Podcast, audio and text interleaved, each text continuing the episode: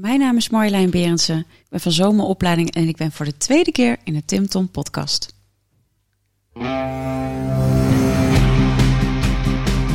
Welkom bij de Tim Tom Podcast. Ik ben Timothy. En ik ben Tom.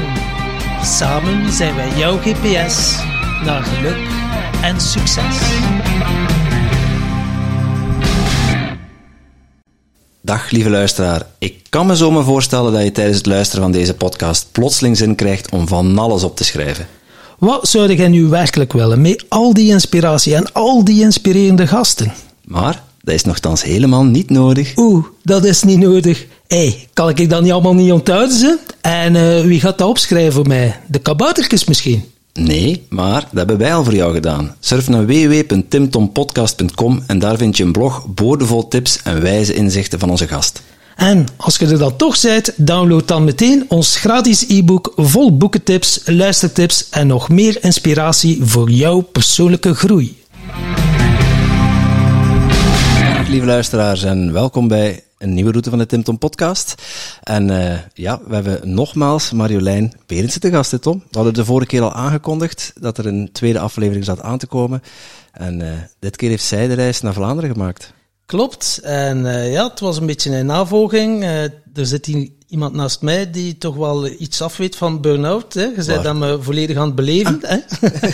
en uh, ja, wil dat nu net lukken dat Marjolein ook wel experte op dat gebied is.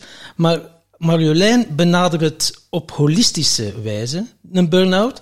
En dat is toch wel verdieping waar dan andere stress- en burn-out coaches misschien iets minder uh, op inzoomen. Dus uh, dachten we, ja, Marjolein voor de tweede keer en laten we het uh, even specifiek over burn-out hebben. Want in mijn omgeving, heel veel mensen lopen nu tegen burn-out of, of vermoeidheid of hoe dat je het ook mag noemen of labelen. Dus Klopt. Ja, in deze podcast zit in de categorie zelfhulp. Dus ja, laten we dan ook een expert ons helpen. Hè. Voilà. Dag Marjolein. Ik switch weer even naar het Nederlands. Ja, fijn. Versta je me beter? Het gaat automatisch in mijn hoofd, ik kan er niet Ja, aan doen. mooi. Maar uh, tof dat je ja, de moeite hebt genomen om helemaal vanuit Westervoort naar hier af te zakken. Een rit Ja. van drie uur heb je achter de rug. Ja, Maar, fijn om eh, er voor de tweede keer alweer uh, te zijn en nu hierheen te komen. ja, Ja. tof. Ja. We hebben altijd een, eh, een vraag van de vorige gast. En ja, om de reeks door te zetten gaan we hem toch wel eh, er opnieuw in gooien. En het Ja. was een pittige dit keer. het is simpel, maar ze kan ook heel ingewikkeld zijn. Drie woorden. Wie ben jij? wie ben ik? Ehm, dan zou ik zeggen liefde, eenheidsbewustzijn en ziel. Mooi. En dan ga ik echt af op dat wat je werkelijk bent. Dus niet het ego zelf, niet het verhaal. Ik kan natuurlijk zeggen Marjolein of moeder of eh, ondernemer of vriendin van. Of... Maar voor mij gaat het echt, wat blijft daarover ook als je doodgaat? Dus liefde, eenheidsbewustzijn en Ziel. ziel. Dat is het eerste wat in me opkwam. Dus dat, eh, ja. Ja, En, en waarom ben jij liefde? Ja, liefde is voor mij echt mijn, ja, mijn allerbelangrijkste kernwaarde. Dat is echt, dat is echt ook in de moeilijkste periode van mijn leven. En we gaan natuurlijk over een moeilijk onderwerp hebben. Burn-out is iets waar je jezelf natuurlijk ontzettend in tegenkomt.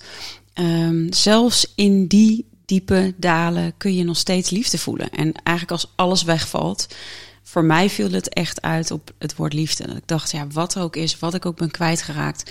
Wat, ja, maakt niet uit. Dat is er altijd waar ik ook heen ga. En dat is dan het enige wat echt vertrouwenswaardig is. En niet al die stemmetjes in je hoofd die zeggen dat je het niet goed doet of hebt gefaald. Mensen die met burn-out te maken hebben, hebben natuurlijk vaak daarin nou ja, het hoofd dat ertussen gaat zitten. Maar uiteindelijk, als je afdaalt, dan, ja, dan vind je daar je hart. En daar is de stem van het hart die de waarheid vertelt. Want je liefde heb je altijd. Liefde is altijd. En een eenheidsbewustzijn, waar moet ik dan aan denken? Eenheidsbewustzijn is voor mij echt eh, dat we allemaal uit één bron komen. Dus allemaal met elkaar in verbinding. Dus ook, eh, ik eh, reed hierheen op de weg naartoe en nou, een mooie podcast nog ook weer geluisterd. En ik weet dat, dat Pim van Lommel ook heeft gehad over bijvoorbeeld bijna doodservaringen. Hoeveel mensen ook niet zeggen die bijna doodervaring hebben gehad dat het uiteindelijk gaat, hé, maar we zijn allemaal één. Er is liefde, eh, er is niets anders. En dat eenheidsbewustzijn maakt denk ik wel dat als wij daar steeds meer naartoe gaan, uh, dat we ook een nieuwe aarde kunnen maken. Dat we ook echt vanuit liefde en verbinding met elkaar kunnen leven. Dus dat eenheidsbewustzijn is voor mij daar waar iedereen in verbonden is. Ja, verbonden zijn met de bron eigenlijk. Verbonden zijn met de bron en met iedereen en alles om je heen. Er wordt nog wel al eens gezegd, ja, je, je buitenwereld is een eh, reflectie van je binnenwereld. En het is van binnenuit door te veranderen dat je buitenwereld ook gaat veranderen. Ja. Wij proberen onze buitenwereld te veranderen, maar dat is alsof dat je op een spiegel bezig bent. Exact. En, uh, is eigenlijk wel grappig als je er dan eens over nadenkt. Ja. Maar, uh, ja. Dus hoe meer je daarop afstemt, hoe meer ook dat dat is. En het derde woord zit ik even te denken als ziel. Had ook dankbaarheid geweest kunnen zijn. Weet je, het is voor mij. Ik denk dat dat derde woord dat ik noemde, ziel, is meer omdat ik de focus wil hebben op de ziel en niet op het ego, niet op het verhaal. Uh, want uiteindelijk neem je dat niet mee. Weet je, dat neem je niet mee als je doodgaat. Of begint daar misschien wel een nieuwe reis als je gelooft in vorige of volgende levens. Uh, ziel reist altijd met je mee. Dat is ja, mooi gezegd. En als je die woorden in het achterhoofd houdt en daarnaar gaat leven, dan kan ik me moeilijk voorstellen dat je in een burn-out kunt terechtkomen. Ja, maar goed, eh, dat is uh, heel mooi als je zo geboren bent en, en een gezin, in een gezin opvoedt die dat ook zo behelst. En dan ook nog het onderwijssysteem wat dat zou behelzen. Maar dat is natuurlijk niet het geval. He, want... Misschien moet even voor de luisteraars even kaderen, want we hebben jou een keer te gast gehad. Dus we ja. gaan ook niet te veel inzoomen op jouw persoonlijke verhaal, want dat heb je daar al verteld. Precies. Over wat je allemaal hebt meegemaakt. Een hoop bagger en shit. En je hebt ook iets heel moois van gemaakt. Route 121. Ja. Als mensen daar meer over jou willen weten, dan uh, verwijs ik ze graag door naar die podcast. Want hier gaan we het specifiek hebben over, over burn-out. Ja, ja, dus als je kijkt ook uh, burn-out, uh, misschien ook even goed. Ik weet niet wat de cijfers hier zijn in België, maar ik weet dat in Nederlanders, Nederland uh, bijna 1 op de 5 te maken heeft met een burn-out. En dat de cijfers uh, ook uitwijzen dat jongeren ook steeds meer te maken krijgen met een burn-out. Dat is echt wel een groot probleem. Um, en dat heeft natuurlijk te maken onder andere met de industriële revolutie, met alle uh, tablets, smartphones, weet ik veel wat allemaal, constant achter die laptop. Maar ook de prestatie vanuit de maatschappij. Dus burn-out ligt enorm op de loer. Nou, misschien ook leuk om straks nog wat over te vertellen, ook voor de relatie met bijvoorbeeld HSP'ers. Maar laten we eens beginnen bij uh, burn-out. In ieder geval vanuit mijn uh, rol, wat ik heel erg veel zie, zeker 50% wat bij ons de opleiding tot holistisch therapeut volgt, heeft een burn-out gehad. Dus die heeft er, dat is, vind ik echt best wel een groot percentage. Ja. Um, is dat dus, je komt op aarde, uh, nou, dan, dan, dan begint er eigenlijk gelijk al iets wat we ego noemen, wat we om ons heen. Uh, het ik-bewustzijn, uh, het poppetje Marjolein of het poppetje, nou, Tim, uh, Timothy of Tom. dat verhaal ga je op een gegeven moment geloven, dan ga je naar school. Um, en daar zie je natuurlijk dat dat hele hoofd wordt volgestopt met allerlei kennis. En daar zie je bij veel mensen wat gebeuren. Is als je een heel gevoelig persoon bent, dan. Uh, en je gaat dus vanuit je hart naar je hoofd, dan wordt het op een gegeven moment, kan het een overlevingsmechanisme worden. Dat kan ook door, door pijn ontstaan, in ieder geval dan, dan vanuit mijn visie. Um, waarbij je de verbinding met jezelf gaat verliezen. En de verbinding met je ziel, zoals ik dat dan noemde, of uh, de verbinding met de ander, verbinding met de bron, zoals jij al even, even zei, Tom. Um, dus als je dan op een gegeven moment eigenlijk nog heel erg gefocust bent op je ego en je gedachten, ja, dan word je op een gegeven moment een machine en ga je mee als een uh, hamster in dat rad. En je gaat maar door en door en door. Nou ja, dan hoeven er maar een aantal dingen te gebeuren. En dan heb je eigenlijk een perfecte uh, burn-out soep met al die ingrediënten samen, waardoor je patsboom uh, op een gegeven moment gewoon niet meer kan.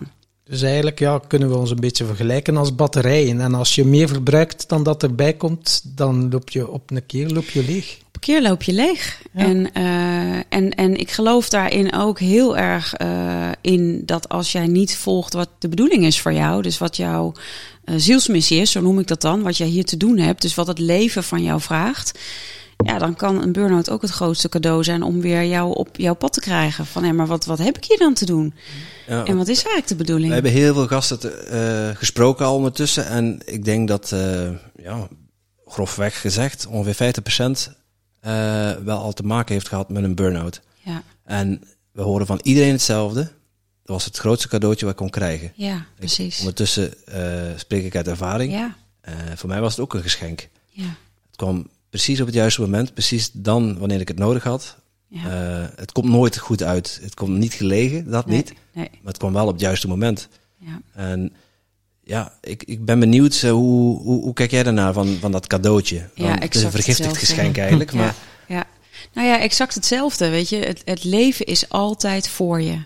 Het leven is altijd voor je. Dus als het leven door je heen wil werken en het wil zorgen dat de ziel eh, eh, gaat volgen wat de bedoeling is, en dan eh, geen copycats, maar echt jouw, ja, noem het je, je, je, je soulprint of jouw, jouw zielsafdruk. Als je dat eh, eh, te volgen hebt, dan, en, je, en je loopt dat dus niet, dus jouw, eh, jouw ziel wil rechts en jouw ego wil links, ja, dan, dan, dan is die burn-out eigenlijk een cadeau om weer terug te komen op je pad. En dat gaat, dat, dan, dan komt die ego en die ziel komt gewoon eigenlijk in, in gevecht met elkaar. En dat, daar gaat het dus over, dat die burn-out je zo uit het veld slaat. Ik heb er zelf vaker tegen aangezeten. Misschien ook wel een randje ingezeten, dat durf ik niet te zeggen. Maar ik was wel verrekte snel weer om weer terug op mijn pad eh, terecht te komen. Van ja, maar ik weet stiekem wel wat ik hier te doen heb. Maar dat wil ik eigenlijk niet. Dus jij hebt echt ik- wel eh, die grens opgezocht. Ja, joh. Dus Ja. jij hebt aan de hand van signalen toch net op tijd kunnen ingrijpen. Ja. Kan je een keer eh, vertellen wat dan voor jou de signalen zijn en delen met onze luisteraars, zodat ze misschien ook net op tijd kunnen... Nou eh, ja, banen aannemen. Dus, dus ook wel dat ik, dat ik merkte van oh, ik ga een baan doen die de omgeving van mij verwacht. En zoals het hoort. Dus echt ook vanuit het ego bekeken. Oh ja, dat verdient goed. Eh, ja, maar dit, dit hoort volgens het plaatje. Hier word ik voor opgeleid. En ergens dus vanuit de intuïtie voelen. Ja, dit is eigenlijk niet wat ik hier te doen heb. Maar toch maar doen. Want dus ergens ook een gebrek aan zelfliefde. Dus als je me vraagt van wat zijn signalen om eigenlijk in de gaten te houden, is heel erg werken aan jezelf holistisch voeden, jezelf, eh jezelfliefde echt vergroten. En dus voelen van oké, maar wat heb ik hier te doen? En, en dat is toch echt contact maken met die zielsmissie. En op het moment dat je gaat merken, hmm, mijn ego wil iets anders, ik ga een andere kant op, ja, dan, dan, dan kun je nog gaan bijsturen. Maar ook ik was eh, veel te eigenwijs. ik hoorde jou net vertellen van de connectie met jezelf. Ja. En daarnet ook nog connectie met je ziel. Ja, Eh, ergens bij jou is dat dan een overlap of zielsmissie. ja, ja. Eh, maar connectie met jezelf, kun, kun je voor de luisteraars uitleggen wat je daarmee bedoelt? Ja, connectie met jezelf gaat eigenlijk heel erg over eh, goed in je lijf zijn. Dus als je het even heel aards bekijkt, zie je dat heel veel mensen enorm in hun hoofd zitten. Dus zo'n 80% misschien wel in hun hoofd en maar 20% in hun lijf. Dus dan krijg je ook dat het je onhandig wordt of dat je s'avonds op de bank zit en denkt... Wat heb ik eigenlijk gedaan vandaag? Dat je minder lichaamsbewustzijn hebt, dus dat je minder goed voelt. Dus in verbinding met jezelf gaat ten eerste over ook echt in je lijf zijn. Dus echt aanwezig in het hier en nu. Ehm, goed gegrond. Dus ook echt voelen van ja, ik ben hier, ik heb hier iets te doen. Ehm, en voor mij zit dat echt verbinding met je hart of verbinding met je ziel. Gaat over dat je echt voelt van eh, verbinding met die liefde. Laat ik dat dan zeggen. Voor mij is het liefde. Voor de ander die zal het zeggen. Oh ja, dus als ik in meditatie ga, voel ik een stilte. Of als ik de natuur in ga, dan eh, voel ik me verbonden met de bomen. Of voel ik, voel, ik, voel ik dat het rustig wordt in mezelf. Dus wat is de plek waar jij thuis bent in jezelf? Dat is voor mij de verbinding met jezelf. Is dat je voelt, ik ben thuis. En dat is een moment dat je denkt, het is goed, het is stil. Of misschien ook wel als je aan dansen bent, dat je heel erg euforisch voelt. Maar dat je hem voelt, het stroomt. Het stroomt door me heen. En de een voelt dat anders dan de ander. En dat betekent ook eh, in verbinding zijn met je pijn en met je verdriet. Want Met dat alles. hoort er ook bij. Ja, dus, En- als je, dus voor mij is het echt, als je het hebt over in verbinding zijn met die ziel, met dat zijn, is het in verbinding zijn met die oceaan. Volgens mij hebben we dat vorige keer ook al wel eh, Ja, in de, was in de heel mooi, podcast ja. eh, benoemd. En die pijn en, en, en, en fijne emoties en minder fijne emoties zwemmen daar gewoon doorheen. Alles mag er zijn. Alles. Ah, dat is was er. met de haaien en de dolfijnen Ja, of zo. alles Dat mag was worden- zo'n mooie metafoor. Ja, die, Alles eh, mag ja, worden ja. aangekeken, alles mag worden gevoeld. Dus ik denk dat, dat, dat, dat het hierover gaat. En op het moment dat jij eigenlijk, als we die, die oceaan weer even als metafoor gebruiken, is als jij in een burn-out komt, zit je zo aan de bovenkant van de oceaan. Ben je zo eigenlijk, word je meegesleept door die golven, door. Afdrijven eh, eigenlijk bijna. Ja. eigenlijk bijna afdrijven. En je zou het, als je het nog anders eh, in een metafoor brengt, is dat je eigenlijk een soort van ijsrot bent in dat water. Dus dat je zo geïdentificeerd bent met je verhaal, met het poppetje. Dus eigenlijk zo bevroren, weinig nog meer wat stroomt, is eigenlijk gewoon verstart. Is het bijna. Het is echt, echt bijna een soort van leeg omhulsel wat je kunt voelen als je echt in een uh, burn-out uh, komt. Uh. Ja, we hebben er een, een, specifieke podcast over opgenomen over, over mijn situatie, ja. mijn burn-out. Ik denk dat het route 88 was. Oh, mooi. Um, waar ik mijn verhaal ook uit de doeken doe. Waar, wat mij opviel, bij mij, in mijn situatie dan, is dat ik het ook zelf niet eens door had. Ja. En dus aan de ene kant, voordat wij met de podcast starten, uh, wilde ik graag ondernemen, want ik ben gewoon niet gemaakt om en voor een baas te werken. Nee. Uh, dat, dat wringt gewoon langs alle kanten. had ik, had ik zelf al de stap gemaakt om me te omringen met andere ondernemers. Ik had een mastermind gestart. Tom die is daarbij op mijn pad gekomen, die is daar mee, meegestapt. daar is de podcast, podcast uit ontstaan. Maar ja, zelfs met die podcast voelden we, hier zitten we op de goede richting. Hier doen we de, doen we de juiste dingen. ik wilde weg uit Antwerpen. Ik heb een huis gebouwd nu in Wachtenbeke, landelijk. En ondertussen ook papa geworden.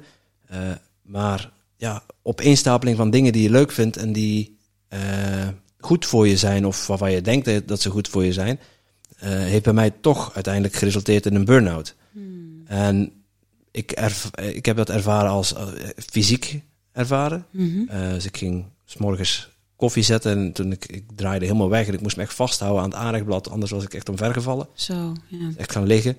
Uh, toen mijn, mijn voormalige baas gebeld en gezegd van ja, het gaat even niet. Ik weet niet wat er aan de hand is. Ik had nog steeds niet Door, in het snotje dat het nee. burn-out verschijnselen waren. Ik dacht ja, ik heb ergens fysiek last van. Ik, naar de dokter, ik ben naar de dokter gegaan, bloed laten prikken, suikerwaarde helemaal goed. En het zou bijvoorbeeld suikerziekte of zo kunnen zijn, diabetes. Uh, dat was het allemaal niet. Ik was kerngezond, vitamine waren goed. Uh, ja, ik denk dat het stressgerelateerd is, zei de dokter. Ja. Ja, dan begonnen er wat radartjes te draaien. Ik heb toen uh, even afstand genomen van alles. Ook van podcasten. We hebben een paar maanden geen podcasts opgenomen. Mm -hmm. Was ook niet nodig omdat we een lekker voorraadje hadden. Ja. Um, maar het was pas op onze Tim Tom zomertour dat, dat wij bij Paul Zonneveld, denk ik dat het was, gesprek hadden. En ik was aan het vertellen over, over mijn fysieke ervaringen en, en wat het allemaal deed. En die heeft mij er bewust van gemaakt, ja, Timothy, dat noemen ze een burn-out. Ja. Ik zeg, ja, een burn-out, als je het zo wilt noemen. Ja, je mag het noemen wat je wil, het is een burn-out. Kleintje dan. Hè? Maar toen pas ben ik tot dat, tot dat inzicht gekomen. Ja. kun jij misschien eens voor de luisteraars ook ja, aangeven hoe jij dat ziet? Dus hoe mensen kunnen aanvoelen dat ze in, in een burn-out terecht zullen komen. Dat ze niet Ja. over het randje moeten kieperen zoals ik gedaan heb. Ja, ja, niet zo te ver gaat. Nou, misschien is dat een mooi, eh, mooi moment om dat ook holistisch dan uiteen te zetten. Want jij Hm. zei, ik voelde het vooral fysiek. En eh, als je het hebt over bepaalde kenmerken van burn-out... kun je natuurlijk ook op die andere niveaus eh, zoeken. Dus even voor de luisteraars die de podcast eh, 121 eh, niet hebben geluisterd... heb je binnen holisme vijf niveaus. Het fysieke niveau, het emotionele niveau, mentale niveau, energetisch en spiritueel. Dus als je fysiek kijkt, uh, uh, kun je dus inderdaad merken van... hé, hey, ik word misschien duizelig of ik uh, merk dat ik slaapproblemen krijg. Dus dat zijn eigenlijk al wel signalen als je minder goed slaapt of niet goed inslaapt... of veel um, onrust lichamelijk ervaart. Dus je hebt mensen die van die restless legs hebben of onrustig in je lijf... maar ook bepaalde klachten, dat je denkt, oeh, die schouders zitten steeds vast. Of dus echt op lichamelijk niveau bepaalde klachten... En vooral goed dat jij ook dat fysiek hebt laten uitsluiten. Of hebt laten uitsluiten bij de huisarts van er is niets anders aan de hand. Nou, dan, dan, dan is het eigenlijk ook een uitnodiging om uit te kijken naar die andere niveaus. Dus als je me vraagt van oké, maar hoe kan ik dat voor zijn? Is denk ik belangrijk om jezelf op al die holistische niveaus te gaan leren kennen. Dus dat je in je lijf zit, dat je weet dat je emoties hebt, dat je voelt dat je een hoofd hebt, dat je merkt, oh ja, ik heb dus ook zoiets als een energetisch lichaam, met andere woorden, een energiebatterij. Uh, ik heb zoiets als, als, als een ziel. En op het moment dat je daar dus ook niet bewust van bent, ja, dan, dan, dan is de kans om daarop af te steken, steven natuurlijk heel groot. Dus alles begint bij bewustwording. Hoe gaat het met mij? En dat is een dagelijkse vraag. En dat is trainen. Ja. dus voor mij gaat dit echt wel over discipline. En niet alleen over burn-out. Weet je, want je kunt denken, oh, hoe kan ik een burn-out voorkomen? Daar kan ook heel erg angst op gaan zitten. Want uiteindelijk kun je kiezen, kies ik vanuit naar dingen te kijken vanuit liefde of vanuit angst. Het gaat wel, denk ik, dat je steeds kijkt, hoe gaat het nu met mij? Kan ik inchecken bij mezelf? En, op fysiek En dan niveau. denk ik zo, en dan kijk ik naar mezelf. Vroeger was ze zei, hoe gaat het met mij? Ik had maar twee woorden, goed of slecht. Ja. Ik had niet meer woordenschat. Nee. En- Maar hoe gaat het dus holistisch gezien met jou? Mhm. Oh, fysiek merk ik dit en dit en dat. Oké, dus als ik hier zit, oh ja, het is hier wel lekker warm, het is hier aangenaam, ik zit hier goed. Nou, ik heb nu niet bepaalde de pijntjes in mijn lijf, maar dat je gewoon voelt, echt even inchecken bij jezelf. Dat leren we niet. Nee. Dat zouden ze eigenlijk bij het onderwijs, denk ik, direct moeten leren bij kinderen. Daar hebben ze wel van die smileys hangen. Dus dan kun je, in ieder geval bij mijn dochter dan, die smileys kun je aangeven hoe je je voelt. Maar er wordt verder niks mee gedaan. Dus kinderen die elke dag een rode, een negatieve smiley laten zien. Ja, leuk dat je dat neerhangt, maar er wordt niets mee gedaan. Dus ja, dan of doe het wel of doe het niet. Maar dan zou ik zeggen van oké, ga zitten, ga eens landen. En voel maar even, hoe gaat het met jou? Oh ja, wat voel ik dan? Nou, dus dat is, dus dat is fysiek. Nou, hoe gaat het emotioneel? Ik denk dat met die burn-out, misschien dat jij ook wel hebt gemerkt, Timothy. Jij, jij merkte het vooral fysiek, maar misschien merkte je ook al wel, ik werd wat prikkelbaarder. Ik kreeg Oh ja, misschien. al, al- achteraf bezien, hè? Dan, Ja, achteraf gezien, Dan vallen alle ja. puzzelstukjes in elkaar. Ja. Ja, absoluut. Al maanden. Ja, al maanden. Ik ben prikkelbaar. Ik heb een korte lontje. Misschien dat je omgeving al merkt van... Oeh, nou moet het niet bij hem zijn als er wat is. Want eh, die loopt over. Eh, dus ook geen ruimte geven aan je emoties om die te reguleren. Dus het begint echt bij zelfzorg. En dat is voor iedereen belangrijk. Bij burn-out, mensen die burn-out hebben gehad... zie ik vaak dat ze na afloop beginnen eigenlijk een soort van reactief gedrag. Oh, maar nou moet ik voor mezelf zorgen, maar dan ben je eigenlijk te laat. Ja. Dus hoe voorkom je het? Door gewoon nu te beginnen met goede zelfzorg, zelfcare, zelfliefde. Allerbelangrijkste, als jij niet die zelfliefde voelt voor jezelf, ja, hoe kan je het voor een ander voelen? En dat weten we allemaal wel, maar het doen is iets anders.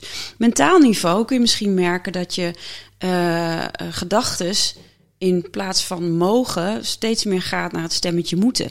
Ik moet dit. Jij werkte nog voor je baas, zei je. Ja. En eigenlijk iets waar je helemaal niet happy bij was. Want ja, je bent meer een vrije vo- vogel of eh, je kan niet onder baas werken, hoe we het Ja, ik kon doen en laten wat ik wilde binnen mijn baan ook. Dus dat, Ja. dacht, daar, daar, Ja. da- daar ligt het dan niet precies aan.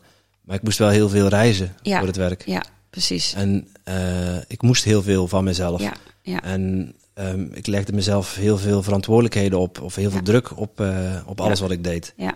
Ja. Ja, dus, dus, dus de mooie kant bij mensen die een burn-out hebben gehad. Weet je, laten we dat vooral ook belichten nog een keer. Zeker zijn dat HSP'ers vaak. Ehm zit een ontzettend mooi, mooie eh, ja, loyaliteit en een verantwoordelijkheidsgevoel. En het graag goed willen doen en er voor andere mensen willen zijn. Daar zit vaak iets heel moois. Daar zit echt goud in besloten, als je dat kan zien. Dus de gedachten die mensen met een burn-out hebben, ze gaan inderdaad veel, zoals jij al zei, ik moest reizen. Ik moet dit allemaal doen. Er gaan bepaalde eh, overlevingsmechanismen ontstaan, waardoor je in een overleving komt en je leeft niet meer. Nee, je doet je best om in een soort jachtig iets te gaan proberen op de vlucht te gaan of te vechten met een beer die niet komt.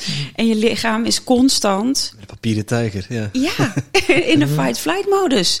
Ja, dat, dat, daar ga je dus, hup, vierde niveau, energetisch op leeglopen. ja. Want je bent constant ah, en maar meer aan het vragen, leeglopen. En wat ik dus zie, en dat, dat zei ik al even, is misschien mooi om nog een keer wat over te doen, maar met HSP is dat HSP, is- HSP is een hoogsensitief persoon. hè? ja, hoogsensitief persoon. En daarin maakt de eh, ehm, elke eh, van het hoofd maakt is overigens een Belg. Zij heeft heel veel onderzoek gedaan naar eh, HSP, echt super mooi. en ehm, zij maakt ook het onderscheid tussen hooggevoelig en hoogsensitiviteit. Dat doen ze in Nederland eigenlijk niet, wat ik best wel zonde vind. En want als je echt kijkt naar HSP, high sensitive person, is maar 20% van de wereldbevolking. Niet dat het elite is hoor, want laten we ook gelijk daar geen ego van maken. Eh, maar wat je wel ziet, is dat dat vaak mensen zijn die super sensitief zijn, die enorm er voor een ander willen zijn. Ja, ik noem dat toch wel vaak een beetje de lichtwerkers die de wereld een stukje mooier willen maken. En wat je, wat je daarbij ziet, is die zijn zo geboren. Dat zit in het beestje. Dus ga je die in een systeem plaatsen wat heel erg gaat over de mind. Terwijl dat eigenlijk mensen zijn die enorm vanuit hun hart leven. Dat zit toch wel vaak op een burn-out af te stevenen. Want die nemen ook prikkels over van andere mensen. Uh, die, die kunnen uh, ook, dus, dus waar een persoon die niet hoogsensitief is al kan leeglopen, hebben HSP'ers nog een grotere valkuil. Omdat die niet eens alleen leeglopen op hun eigen energie, maar ook nog met mensen allemaal die in de ruimte zijn. Dus als jij ook bij het koffiezetapparaat staat en iemand die begint tegen je te praten en die zuigt je echt soort van leeg, dat je denkt, ja, dan moet ik de rest van de dag nog. Dus die batterij gaat nog sneller leeg dan, dan ieder ander gemiddeld. Hooggevoelig is, um, er zit veel meer op uh, mensen die door bepaalde situaties wat hooggevoeliger zijn, nu dus wat meer prikkels ervaren. Dat kan dus ook bij een burn-out zijn, want dan kun je op een gegeven moment niets meer binnenkrijgen, omdat je zo overprikkeld bent. Maar HSP zie je echt, uh, zie je ook vaker in een burn-out dus terechtkomen op het moment dat je daar niet, niet goed mee omgaat. Hoeveel mensen hoor je niet die niet één burn-out hebben gehad, maar gewoon wel drie? Ja, ja dat hoop ik wel te voorkomen. Precies, door die self-care. Dus ook energetisch. Waar krijg je energie van? Dus niet alleen maar wat kost me energie en waar ben je constant energie aan het uitgeven, maar wat, waar laat ik me echt van op? Dat is eigenlijk ja, heel simpel. Als je dezelfde dingen blijft doen, je bent hersteld van je burn-out en je gaat terug weer dezelfde dingen beginnen doen, krijg je weer dezelfde uitkomst. Precies, exact. Zo is het. Dus uh, dat is weer ja. met, die, met, die, met, die, uh, met op de spiegel schrijven, zoals je zo mooi uh, zei. Nou, het laatste niveau is dan inderdaad het spirituele niveau. Is dat je deep down ergens kunt voelen van ja, maar wat heb ik hier te doen? Waar word ik blij van? Dus waar, uh, wat is echt mijn uh, ja, ziel, zielsafdruk, ziels, soulprint, mijn zielsmissie noem ik het eigenlijk dus. Um, wat heb ik hier te doen? En als ik dat volg, dat zal je energie geven. Weet je, ik kan ook wel weken even hebben van 80 uur in de week. Maar dan heb ik zo boordeveel energie. Uh, omdat ik voel dat het, dat, het, dat, dat het werkt door me heen. Dat, dat, dat, ja, dat is moeiteloos dat ontstaat moeiteloos. Terwijl burn-out stukken is vaak heel hard werken, hangen, persen, wurgen, weet je, heel veel moeite doen. Uh, um, terwijl als jij in die flow zit en je ontdekt wat jouw bedoeling is hier, zoals met jullie met, met de podcast, ja, dat float. Dat is zo, ja, weet je, dit, als ik jullie zo zie zitten, uh, ik weet niet of de, de luisteraars kunnen dat niet zien, maar uh, ja, jullie stralen. Weet je, dit, dit, je hart straalt door je hele poriën heen. Dat kan ik hier voelen. Ja, we, we hebben onze t-shirt gewassen met uh, Dash. Nou ja, daarmee, met Dash, ja. Nou, dat is het ook. Inderdaad, jullie stralen. maar weet je, dat is het. Dat, dat geeft je energie. Dus, dus dat is iets waardoor die batterij constant weer oplaat. En dat laat dus niet op van het poppetje, het ego, maar het laat op van een groter bewustzijn. Dan komen we weer bij dat eenheidsbewustzijn. En ik denk inderdaad ook wel dan bij heel veel mensen waar dat hun hart van gaat stromen, ja. dat ligt uit je comfortzone, omdat je het nog nooit niet hebt gedaan. Dus veel mensen hebben, oe, zijn bang of angst, maar je mag het best spannend vinden. Tuurlijk, de eerste keer dat wij een podcast opnamen, of de eerste ja. de paar keren was ook wel best spannend. Maar nu voel je dat het wel onze zielsmissie is om onszelf en anderen te inspireren. En hoe meer dat je het doet, hoe leuker dat je het ook begint te vinden. We hebben het altijd wel leuk gevonden, maar in het begin is het altijd spannend. Ik denk dat dat voor jou ook wel Absoluut. was. Als Alles. je de eerste keer voor een groep stond of zo, of uh, ja. noem maar op. Ja, en dat is het ook. En dat is echt het ego wat ook worstelt met, met, met van uh, ook je oude triggers en je oude pijnen. Kan ik het wel? Ben ik wel goed genoeg? In ieder geval, dat zijn mijn stemmetjes vaak. Of ik ben het toch niet waard om van te houden. En dan gaat het ook over dat als je zo in verbinding kan zijn met je hart en dat belangrijker maakt, dan weet je, oké, ik heb waterangst, vind het super eng, ik ga het gewoon doen. Dus echt selfcare gaat dus ook over lef hebben, over moed hebben, over discipline om elke dag in te checken. Ben ik nog thuis bij mezelf? Wat is. Nou, we hebben het vorige podcast ook gehad over dat perron, waar je echt helemaal thuis kan zijn in jezelf. En hoe voelt dat dan? En alleen jij weet dat, hoe dat voelt. En dus jij hebt je eigenlijk je, je authentieke kracht daarin te herkennen. Van, dit heb ik te doen. En dat is ontzettend spannend. Wist ik veel dat dit de bedoeling was? Echt niet. Ik ben, gewoon ook, ik ben ook gewoon maar uh, Marjolein niks door. Ik ben ook maar gewoon mijn hart gaan volgen en therapeut geworden. En op een gegeven moment werd het een groot opleidingsinstituut. En uh, zit ik nu met jullie in de podcast. En echt waar. Voor de tweede keer. Voor de tweede keer super dankbaar. Want ik zie in jullie ook echt zoveel gelijkgestemdheid. En ik ben echt dol op jullie. Ja. Weet je, en dat, dan voel je die verbinding en je voelt die connectie. En je weet gewoon waar je het over hebt, dat raakt me. En dat is echt wat, wat raakt je? Wat heb je hier te doen? Waar word je blij van? Wat is je passie? En dan denk ik ook, want bij burn-out, voor mij is het ook wel, dat gaat hand in hand samen met verslaving. Als ik het uh, reflecteer op mezelf, omdat ik het uh, heel confronterend vond om die verbinding met mezelf aan te gaan. Mm. Ik wou niet voelen. Zeker als ik alleen zat en die stilte, wow, dan had ik iets nodig om het te verdoven. En dat ja. was dan alcohol, maar dat kan ook eten zijn, of dat kan ook overmatig werken zijn, ja. of, of sporten of zo. Ja. Dus daar zie ik ook echt wel een link tussen. Dat vind ik mooi dat je dat zegt, ja. En ook verslaafd misschien wel aan negatieve gedachten. En, en, ver, en ook wel het ego meer geloven dan je ziel. Ja, want iedereen heeft wel momenten dat je voelt van... oh, maar nou is het even goed. En misschien is dat wel jaren geleden. Maar dat je voelt van... maar wat maakt dan dat we daarvan weggaan? Wat maakt eigenlijk dat we weggaan? Dat is eigenlijk best wel gek, toch? Maar precies wat je zegt, verslaving, het ego, uh, alle patronen, ja, dat, dat trekt je weg bij jezelf. Dus die burn-out, ja, het, het, het, het haalt eigenlijk alles onderuit. Waardoor je het enige wat je kan doen is weer thuis komen in je ziel. Je bent te moe om iets te doen. Dus het enige wat je kan doen is weer, weer thuiskomen. En ik geloof dat vele dobbelaren was die het zei. Dat is al heel lang geleden dat we die had hadden in een podcast. Mm -hmm. uh, die heeft hetzelfde meegemaakt ook. En die zeggen dat, de, dat letterlijk dat de stekker eruit wordt getrokken. Van, hup. Ja. En dan, ja, dan werkt, het, dan werkt het apparaat niet meer. Nee, en de programma's draaien op een gegeven moment dan ook niet meer. Ja, je kunt programma's draaien, ik moet naar mijn werk, maar dat hoef je niet meer. Dus dat scheelt. Want dat is niet meer. Dus, dus er is wel tijd voor zelfreflectie. Dus, dus weer echt terug naar de kern is hoe kunnen we burn-out voorkomen? Is door mensen echt vanaf eigenlijk vanaf kleinste val aan al te leren voelen te voelen inderdaad. Hoe, hoe is het met jou? Hoe is het met je lichaam? Wat ervaar je? Hoe is het met je emoties? Wat heb je nodig op dit moment? Vraag wel eens aan mijn dochter, wat heb je nodig? Ja, inderdaad. Vraag het eens vaak aan jezelf. Wat heb ik op dit moment nodig? En die weet verslaving... Ik, weet ik veel, mam. Hou nou eens op. ja. ja, maar inderdaad, weet je, dat, dat, ja, maar dat is wel... Maar soms, maar soms komt ook een heel ander antwoord waarschijnlijk. Tuurlijk komt een ander antwoord, want het ego antwoordt ook. Eerst, het ego wil vaak eerst antwoorden. De ziel fluistert. Je intuïtie, je hart fluistert. Dus de kunst is dat de ontzettende schreeuw lelijk van het ego stil te leggen. Zeg, oké, stop. Oh, stop ego, stop. Voel even. Luister heel zachtjes naar de fluistering van je hart. En hoe meer je daarop traint, hoe beter je de stem van het hart kan horen. Is dit, gaat dit echt volgens de ziel? Of is hier toch het ego aan het woord? En dan heb je, dat gaat ook wel, je hebt burn-out, maar je hebt ook bore-out. En ik als ambtenaar ja. heb ik dat uh, ook aan de lijve mogen ondervinden. Ja. ja. Geen voldoening van je werk. Het leukste vond ik uh, pinten gaan drinken uh, onder de middag met mijn collega's. Dus ja, ja dat is dan ook niet de juiste motivatie. ik heb dat dan toch twintig jaar op die manier, heb ik mij dan toch yes, kunnen motiveren. Mag yes, het is maandag. Het is middag, joe, ik mag, mag, weer, terug, een mag weer een pintje of vijf, zes gaan drinken. Maar ja, dan ja, kom je ja. ineens bore-out. En ja. dat heeft toch heel veel gelijkenissen met burn-out qua gevoel. Absoluut. Want dan ben je ook zo leeg, lusteloos en uh, noem het maar op. Dat zie je overigens veel bij, nou kom ik weer op het HSP-stukje, hm. bij de extraverte HSP'ers. De bore-outs. Want die hebben prikkels vaak ook nodig. Beleving. Okay. Die hebben ook prikkels nodig om zich te voeden. Ga je dus helemaal geen prikkels meer toevoegen, krijg je dus ook een bore-out.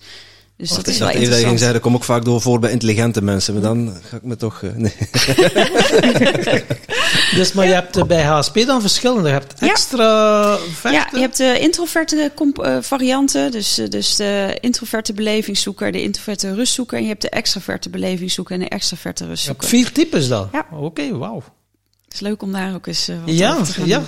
dat is wat is al een paar keer aan bod gekomen, uh, HSP. Misschien moeten we er... Miniserie van maken. Dat lijkt mij een heel goed plan. Ja? Ja, een mini-reeks over, uh, over HSP. Ja, want ik moet eerlijk zeggen, als ik er zo mee dat je zegt, extravert, belevingszoeker, ik ben wel altijd op zoek, ik heb graag mensen rondom mij. En dan is het wel, ja, oh, dat, daar voed ik mij mee.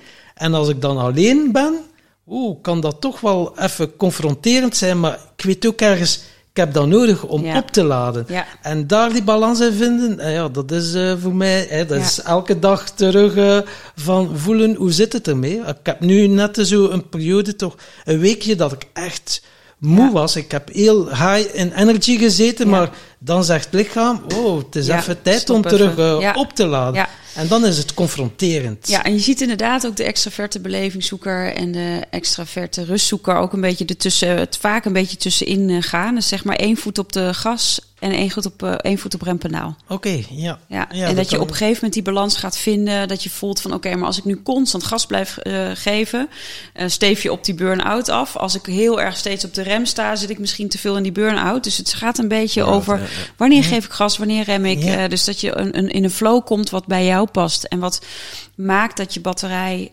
niet overloopt of, of leeg raakt, maar juist uh, goed dus eigenlijk de actie-rust. Ja, uh, ja goede balans gewoon uh, gaan vinden. En hij kan ook niet altijd vol zijn. Dat is denk ik ook goed om mee te geven. Want ja, het is niet dat je al die dingen doet die jij noemt. Dus aan self-care doet, voelt bij jezelf hoe gaat het met me.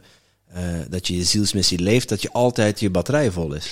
Nee, want je hebt natuurlijk ook een keer een slechte nachtrust. Even heel simpel. Als het super warm oh, is, of je ligt ergens. Met een kleintje kan ik daar niet over meespreken. Ja, precies. ja, maar ja, dat is, dat is. Dus het spelen ook gewoon externe factoren heus een rol. Maar als jij wel meer in de... Je hebt prachtige boeken overigens achter je staan. Ook uh, zie ik hier Zielsgelukkig Kerngezond van uh, Richard Telet. Ja, en, en holistisch uh, leven, moeiteloos gelukkig zijn oh, ja, van uh, Marjolein maar in zijn boek heeft hij het onder andere ook over Abraham Hicks... die de emotieladder natuurlijk laat zien... Dus op het moment dat jij heel erg in dankbaarheid, in liefde en in die trilling blijft, dus ook heel erg eigenlijk in die flow komt waar het moeiteloos gaat, geloof ik wel dat jij uh, geregeld jouw batterij redelijk vol kunt hebben. Maar je hebt natuurlijk af en toe toch te maken met wat uitschieters. Ja, je zult een keer minder slapen of je breekt dus misschien eens een keer een been, uh, waardoor je meer energie naartoe gaat. Ja, dat is. Maar als je constant weer teruggaat van oké, ik zorg echt in de eerste plaats goed voor mezelf, zodat ik er uiteindelijk nog beter voor een ander kan zijn. Ja, dat is toch echt wel heel belangrijk. En burn-out, als ik het dan op mezelf reflecteer, heeft ook wel te maken, verslavingen zei ik net,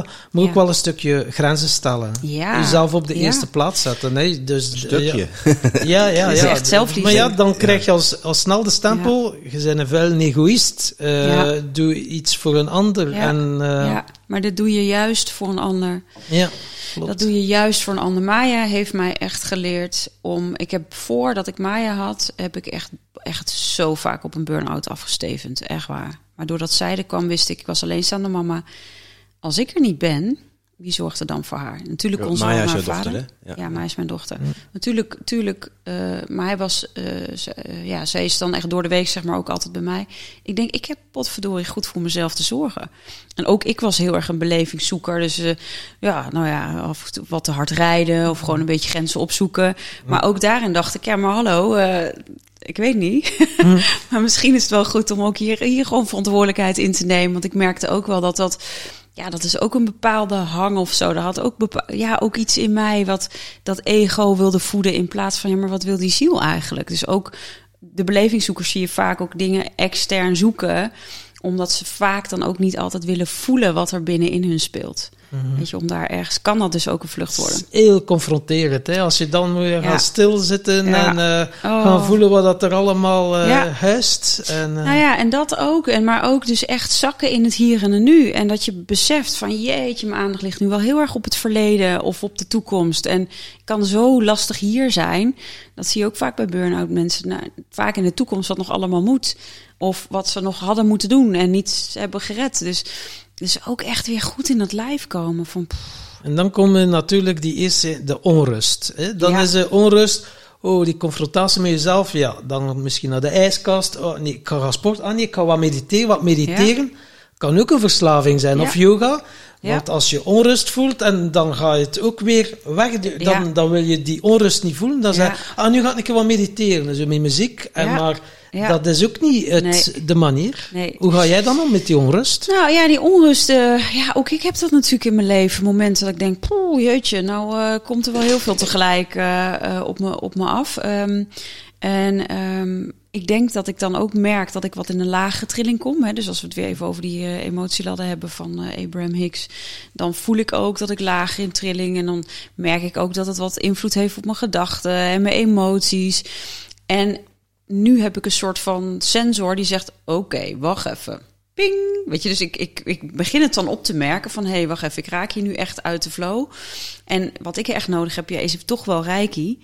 Uh, voor mij in ieder geval. Of hè, mediteren. En ja, dat is in eerste instantie een methode die je dan toch gaat gebruiken. Maar niet met het doel, ik moet het weg hebben. Maar oké, ik ga zitten, ik ga voelen wat er is. Oké, en wat mag er aandacht? En dan daarmee zijn, dus wat jij zegt, als ik dus die onrust voel in mijn lijf, is, oké, waar voel ik die onrust? Meestal zit die onrust bij mij of een beetje zo hier op mijn borstgebied of in mijn maagstreek. En dan voel ik het, dan ga ik mijn handen opleggen en dan ga ik er naartoe ademen. En dan denk ik, oké, wat is die onrust? Wat wil die onrust mij vertellen? Vaak is die onrust een bepaalde verwikkeling van spanning en toch wel gedachten of iets wat ik heb vastgezet. Ja, maar ik moet nog dit of ik heb nog dat te doen. Of, en dan denk ik, ja, maar even, hè? Wat gebeurt er als ik het niet doe? Dan zijn ze weer, de moedjes. Gaat er iemand aan dood? Gaat er iemand... Nee. Nou, dan kan het toch ook iets later. Dus ook echt relativeren. Dus die moedjes inderdaad is voor mij vaak echt wel een moment... Dat is wel een van de oorzaken bij mij bij de on, voor de onrust. Of iets waar ik invloed wil gaan uitoefenen... of iets wat buiten mij gebeurt. Ja, waar je geen invloed op hebt. En het leuke dus is, als, als, jij, als jij een moedje hebt en je denkt van... Oh, en ik, je doet het even niet, dan, dan popt de onrust niet meer bij jou op, maar bij iemand anders. Dat is altijd zo leuk om te zien. Ja, ja, ja. ja maar ook weet en je. Dat is niet, niet jouw probleem nee, ook. Niet dat kun je loslaten. Ja. Dus ook bij HSP is het vaak lastig om ook onrust van een ander te voelen en daar zich daar verantwoordelijk over te gaan voelen. Daar heb ik ook heel veel onrust over gehad. Oh, ik moet een ander fixen. Mm Dit is een ongemakkelijke situatie. We moeten zorgen dat ik ga pleasen. Ik deed alles, alles om maar confrontaties te vermijden. Ja, conflictvermijdend. Heel ja. conflictvermijdend, want oh, die spanning had ik, die had ik, kon ik niet uithouden. Dus waar het ook over gaat, is inderdaad, wat jij ook zo mooi zegt, die moed hebben om dat uit te zitten. Die onrust te voelen. Ik vind het niet fijn, maar ik druk het niet weg. Maar ik ga daar gewoon mee in contact zijn. En dan merk je dat dat eigenlijk vaak met 90 seconden weg is, als je het kan doorvoelen. Gewoon rauw. 90 seconden, ja, dat is snel hè? is heel snel. Maar wat, wat gebeurt er? We gaan het stapelen. Dus dat wordt zo opgestapeld dat op een gegeven moment die onrust, die kan je misschien wel dagen, weken, maanden voelen. Dus als je er echt mee zou zitten met de eerste, eerste op, opkomend stukje onrust, dan, is dat, dan, dan verdwijnt dat zo in die oceaan. En dan breng je naar je bewustzijn en je maakt er contact mee ja. en dan luisteren wat dat u wilt zeggen. Misschien wil het u gewoon ook niks zeggen en dan gaat het vanzelf weg en dan is het ook helemaal oké. Okay. Kan je doorademen, kan je contact mee maken en kan het weer verder zwemmen in die oceaan. En humor kan ook wel af en toe Enorm. Helpen. Dat is voor mij wel dat echt... is voor mij ook oh, wel een hele belangrijke. ik lag echt kapot van mezelf. ja, ja, ja, maar dat Alle is rare echt streek van het ego. Dit is echt bizar. Wat is dit nou weer voor gedachte? Wat moeten we hier nou weer mee? Ja, het is grappig als je dan het onderscheid kunt maken. Zo, oké, okay, ego. Ja, Ja, oké, je ja, bent hoor. er weer. Oké, Welkom. kom erbij. Kom erbij. Ja, ja, ja. Ja, maar je ego is er wel, dus hij heeft ook wel af en toe voeding nodig.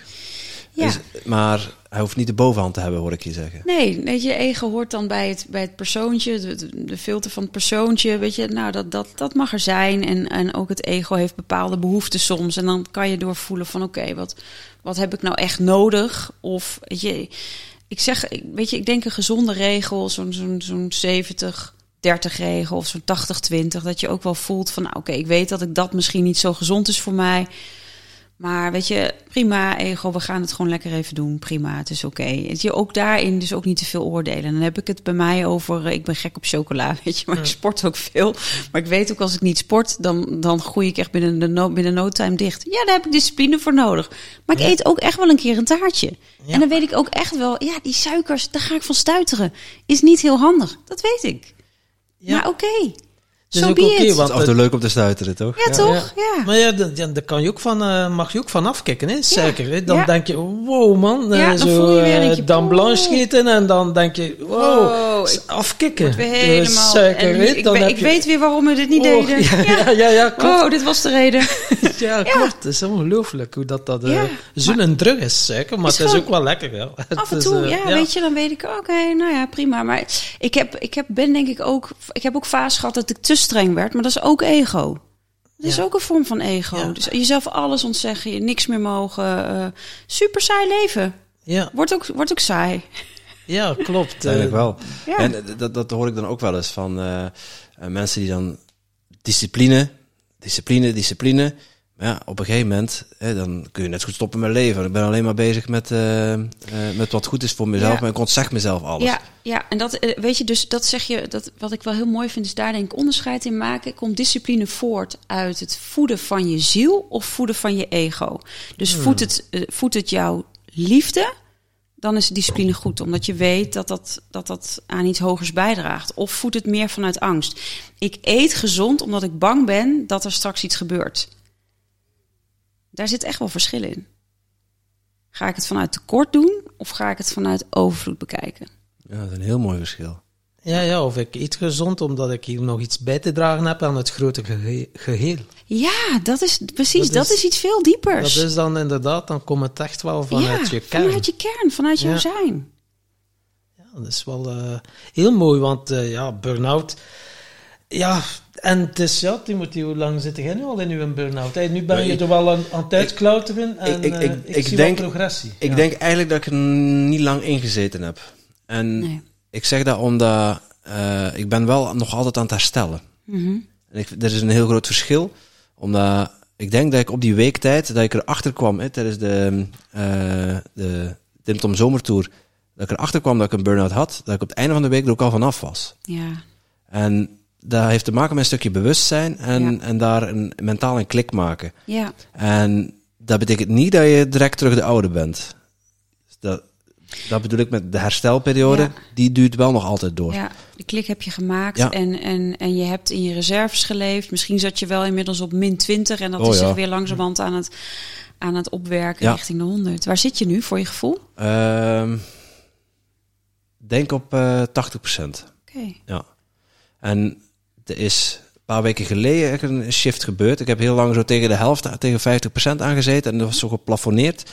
Eh, maar op een gegeven moment kom je er ook niet meer uit met, met coaching of met aan jezelf werken of Ja. met zelfzorg. Dan, eh, ja, het stagneerde bij mij.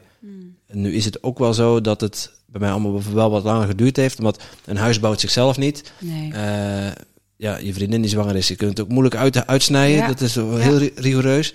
Als de kleine geboren is, ja, dan heb je nu eenmaal minder tijd voor jezelf. ja, Eh, Ja. ik Creëer die momenten zoveel als mogelijk. ja, Maar als er één moedje is, ja, die kleine moet eten. ja, Dat is mijn verantwoordelijkheid. ja, Die ga ik niet af van me afschuiven.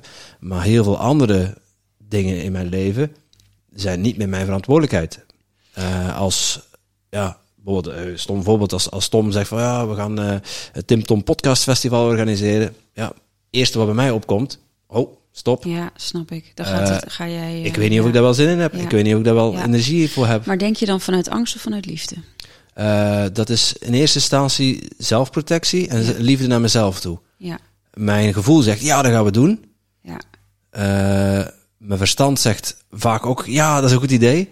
En als die twee samen ja zeggen, dan, eh, Ja. dan heeft het een go en kunnen we gaan. Ja. En ondertussen is het eh, echt wel het Ja. Top Podcast Ja, die- Festival geworden. precies, die gaat- die- gaat is komen. al achter de rug. Ah, ja, en dat heeft eh. Marjolein al een fantastische keynote ge- gedaan. ja dat klopt. Eh, komt eh, 26 augustus online, eh, de podcast, Ah, denk dat ik. net, en, tien en dagjes 15 geleden. augustus is het podcastfestival. Dus, ja, eh, gaat hard. ja. Maar even nog even terugkomen op jou, Timothy. Je zei, ik zit nu op, op 80 procent. Hè?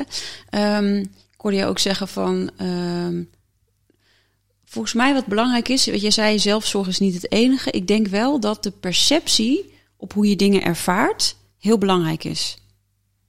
Ik denk dat dat voor jou nog wel... Maar goed, dat is gewoon gevoelsmatig hoor. Een sleutel kan zijn. En ehm, waarom de perceptie? Ja, je kind moet eten, dat klopt. Maar doe ik dat met de energie van het moet eten? Dus daar zit toch weer die angstenergie achter, zeg maar. Vanuit het gedachte, ik moet dit doen. Daar zit het moeten achter. Of kan ik het vanuit liefde ook voelen... hey, wauw, maar ik, als ik nu eten geef, dan groeit, dan groeit hij daarvan. Ik kan hiervan genieten. En ik denk dat dat, dus de perceptie hoe je naar dingen kijkt, nog heel erg kan gaan uitmaken van eh, die 80 naar 100 te, te brengen. Ja. Dus omdat er toch nog heel veel in dat hoofd gebeurt als ik je. Als Oh ik ja, hoor. absoluut. Er gebeurt heel veel in mijn hoofd. Het, eh, Ja, eh, ja, Ja. Dat, dat, dat, is- dat, is, dat is echt wel waar. En eh ergens ook wel al bij bepaalde dingen die een, een klik klikt gemaakt. dat, hè? Ja, Ja. precies. En dan, dan voel je gewoon ook een enorme sprong in, eh, in de progressie, in de vooruitgang. Ja, En dan bijvoorbeeld over dat, dat, dat kleintje, ja, de eerste weken eh, bij je papa en dan heb je gewoon niet in de gaten wat er gebeurt. precies. En dan, overval- dan leef je op autopilot. Ja, exact. En ja, ik, ik merkte ook dat ik gewoon ongezonde dingen in mijn mond begon te steken. Ja. Eh. Is Ja. dat vluchtgedrag? Ja, ergens wel. Eh, ergens diende het me ook op dat moment, omdat ik gewoon in overlevingsmodus zat. ja, dat is. En ja, naarmate ik een betere connectie met mijn kind heb en we ook wat, eh, mijn partner en ik wat meer aan de situatie gewend zijn geraakt, Ja. dan kun je er ook vanuit liefde naar kijken en Ja. eh, je kind de liefde en aandacht geven. En je krijgt ook, je maakt ook die connectie wat meer. Je- als, als hij mij ziet, dan begint hij te lachen. Ja, dat is fantastisch. Mm. Ja. Ja, dus Bijna, bijna vijf maanden alweer. hij is al, ja, inderdaad. Als het deze online komt, al, Een half jaar. al meer dan een half jaar, inderdaad. Ja. Ja. maar weet je dat, dat ook voor mij? eh, Waarom zeg ik dit? Ik was natuurlijk eh, ook, ik was alleenstaande mama. Jij bent niet alleenstaande papa, maar ik, ik hoor wel wat oh ja, als als je kindje net hebt gekregen, zo'n super druk. Dat dat weet nou, iedereen natuurlijk. Maar dat ik vrij snel dus alleen kwam te staan. Of ik alleen stond, eh, niet kwam te staan, maar ik stond. eh, dat ik echt bij alles ging denken: oké, maar wat is mijn perceptie? Ik heb hier een keuze in. Ik heb die keuze gemaakt, dus ik neem de verantwoordelijkheid hiervoor. Als ik moet strijken, ik vind het niet leuk. Dan kan ik gaan strijken en denken: oh man, die berg moet ik weg zien te werken. Of ik zet een fijne podcast op en ik geniet ervan en die strijk is zo weg. Dus de, de simpele dingetjes. Met hele simpele dingen kun je echt anders naar dingen kijken. Waardoor je dus uit dezelfde situatie, want het strijken blijft op zich hetzelfde, dezelfde activiteit, kan ik energie uit krijgen of gaat me energie kosten? Ja. En die keuze, dus ik denk dat het enerzijds de perspectie is, eh, perspectief wat je hebt, maar ook de keuze die je daarin maakt. Ik weet zeker als jij echt kan zeggen, oké, maar dit, ik ga dit, die 80, die gaat 100 worden. Dit gaat mij lukken. Dus ik, ik voel het nu al, Zeker, zeg maar. Ik ja. zie ook, bam, weet je, dat, die keuze, dit gaat mij lukken. En ik ga kijken waar ik, oké, die 20% ik ga dat, ik ga dat zo snel mogelijk eigen maken. Niet zo snel mogelijk als doel, want dan is het ook weer een ego-ding. Maar dat je voelt, ja, dit, dit gaat komen. En wat heb ik daarvoor nodig? Wat, zit, wat is die 20% Die vuur De voelen, taken die je passie. doet zo leuk mogelijk maken. Hoe kan ik dat Ja. nu zo leuk mogelijk maken? En daarin zien dat je echt een keuze hebt. We hebben echt een keuze. Natuurlijk, ik- weet je, het, het klinkt heel erg cru. Je zou ook je kind niet eten kunnen geven. Ja, dat Zeker. doe je niet. Maar het is wel een keuze om het Ja. wel te doen. Dus elke keuze maak je met liefde. Ja. Ja, Dat ja maakt dat, dat, echt is- dat is zeker waar. En, en het is ook wel een verschil eh, als je hè, van, oh, hij moet weer eten of pff, hij heeft weer zijn, Ja. eh, weer zijn pamper gepoept Ja, of gekakt voor de Belgen. oh ja, gekakt. ja. Eh, van, wel, ja, maar Ja, als je, als je dat uit liefde doet voor, Ja. eh, voor zo'n klein wezentje ja, en je krijgt die liefde terug, dan, dan voel je daar heel anders bij. ja. Weet je, nu hunker ik bijna nog wel eens dat Maya in, in zo'n... Ja, dit zou natuurlijk heel gek zijn nu. Ze is bijna elf. maar... eh, Om er nog eens een pamper aan te doen. hè. Nee, maar dat, dat die pamperwisseling. Even zo'n kus op dat buikje. En dan zo even kroelen. En even zo'n momentje van maken die je dan samen hebt. Fantastisch vond ik het. Ja, dat, je, dat is ook zo'n eh, oh, zo'n gek momentje met, met rare bekken trekken.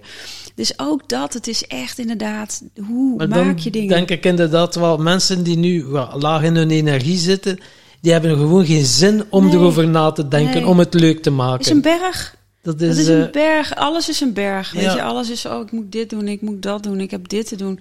Ja, dat is heel lastig. Dus dan is het belangrijkste om eerst echt bij te slapen, bij te tanken, uit te rusten. En dan komt er een moment dat je denkt, nou, nu heb ik wel voldoende slaap gehad. Ik kan een stukje naar de supermarkt of ik kan eh, de exposure therapie even wat verder. En weer wat meer proberen, weer wat meer prikkels toe te laten. En op een gegeven moment mag je gaan voelen van, nou, wat is opnieuw dan eigenlijk... Waar gaat mijn hart nou sneller van kloppen? Iedereen heeft iets. Iedereen heeft iets, hoe gek het ook is. En, en het kan je soms helpen om je terug te brengen naar jou als kind. Wat, wat was dat? Wat bracht jou? Wat maakte je blij? En heb je, heb je, dat is een vraag die heel vaak terugkomt van eh, je moet je passie leven en je moet doen waar je blij van wordt en waar je energie van krijgt. Maar heb je misschien praktische tips of een praktische oefening voor mensen eh, om ja, te achterhalen wat dat dan is? Ja, dat is. ehm, ja, dan komen we toch weer uit bij de zielsmissie. Ik denk dat dat het allerbelangrijkste is. Is daar connectie mee maken. En ben je al wat meer bewust, dan is het makkelijker om daarmee af te stemmen. Als je nog nooit hebt gemediteerd. Of is het misschien wat moeilijker, omdat je ja, eh, dan nog heel veel eh, met, dat, met die ego eh, te, stemmen te maken hebt. Dus dan, het gaat erom dat je gaat leren luisteren naar wat die stem van je hart vertelt. Voor mij werkt stilte heel erg. Dus eh, reiki of eh, mediteren. Maar misschien is het voor die persoon die nu luistert, is het wel de natuur. Dat als jij wandelt of als je onder de douche staat, dat je ineens een ingeving krijgt. Dus het gaat erom dat je met je intentie Probeer het af te stemmen op jouw ziel. Dat is het belangrijkste. En uh, wat ik al zei, voor mij is dat reiki, voor mij is dat mediteren. Dat is, en ook sporten vind ik heel fijn. Uh, maar het gaat erom te ontdekken, waar kom ik weer tot mezelf? Hoe kom ik weer thuis tot mezelf? En dat is echt voor iedereen anders. Dat is echt, uh, dat is, dat, ja, daar heeft iedereen zijn eigen signature eigenlijk in. Dus, dus ga dat doen waar je denkt, oké, maar daar krijg ik energie van. En probeer eens stil te zijn. Probeer eens buiten die stemmen van dat ego te luisteren naar het stimmen, stille stemmetje van je hart, van je intuïtie. En ga dat dus heel rustig aan volgen. Als die stem gelijk had gezegd: je gaat een groot opleidingsinstituut hebben, wat mediums destijds wel hebben voorspeld, was ik weer terug in mijn holletje gekropen als een slak. Ja, de hell no dat ik dit had gedaan. Nee, echt niet. Dat kan ik niet dragen hoor. Zo nee, faal angstig. En zo groot ook. Is te groot. En, en, en, en nog heel erg uh, onzeker en gebrek aan zelfliefde. Dat is echt een. Weet je, mijn diepe het, diep gevoel van echt een ander helpen. Dat was zo mijn drive. Weet je, die nederigheid. Ik heb dit door te geven. Ik ga gewoon, ik stel me in dienst van het leven. Laat maar zien wat er mag gebeuren. En zo ben ik de stappen gaan lopen. Wat er over tien jaar gaat gebeuren, ik weet het niet. Ik krijg hier en daar wel flarden. Of weet je, of dan volg ik het weer. Nou, nu komt dan een ASP-boek natuurlijk aan. Mm. Maar dat wist ik ook een paar jaar geleden niet. Dus die verstilling, die momenten dat je echt afstemt op je ziel is zo belangrijk om niet uit de bocht te vliegen. ja, wat die HSP eigenlijk, als ik het dan goed begrijp, alle nieuwe tijdskinderen of lichtwerkers zijn allemaal HSP'ers. Die zitten op een, op een hogere trilling al. Ja, ja die, die zijn daar al in geconnect. Ja. Dat is eigenlijk. En en dan kun je je voorstellen als je eh, geïncarneerd bent bij een gezin waar dat minder is. Mhm. ja, dan ga je dus heel erg anders voelen. En dan ga je dus heel erg eh, vereenzamen. En dan denk je, ik ben niet goed genoeg. Het ligt aan mij. En uh, wat ik vaak bij HSP'ers ook zie, die zijn enorm zelfreflectief. En dan kijken ze ook wel eens uh, en dan minder goed in begrenzen. Dus dan zie je ook wel vaker gebeuren van, uh, ja, het zal wel door mij komen, ik doe het vast niet goed. Uh, ja, dat kan dan een hele negatieve spiraal worden. En dan wordt je uh, hoogsensitiviteit wordt je, wordt je grootste vijand eigenlijk. Terwijl daar het goud besloten ligt. En dan op school hè, ben je aan het dromen, hè, wat dat mooi is, fantaseren. Ja, Oké, okay, dikke nul, dikke rode vet, vette streep erdoor en dan word je nog een keer afgestraft. Ja. Omdat je gewoon jouw fantasie aan het... Ik had het echt op school hoor. Dan zeiden ze Marjolein en dan was ik echt zo ergens anders. En, en dan kwam pas later, dan was er echt al vier keer Marjolein gezegd. En dan dacht ik, oh ja, dat ben ik. zo heet ik. Oh ja, daar moet ik even op reageren. Groep drie of groep vier, ik weet het nog zo goed. En dan was ik weer hup, uit het raam. Marjolein is een dromer. Marjolein is heel creatief. Vooral heel erg aan die kant. En ja. Uh, ja, weet je, pas later uh, ging, ik echt, ging ik echt super in mijn hoofd. En uh, weet je, wilde ik cum laude afstuderen. Om, om maar, weet je, heel erg te bewijzen dat ik wat waard was om van te houden. is natuurlijk allemaal onzin. Want je, het geboorterecht is al dat je het waard bent om van te houden. Waarom zouden we dat moeten bewijzen in het loop van het leven? Maar toch is dat vaak bij burn-out mensen, is die hang naar erkenning, op wat voor vlak dan ook. Vader, moeder, uh, je werk, je, je partner, je, naar jezelf, succes, meten aan anderen.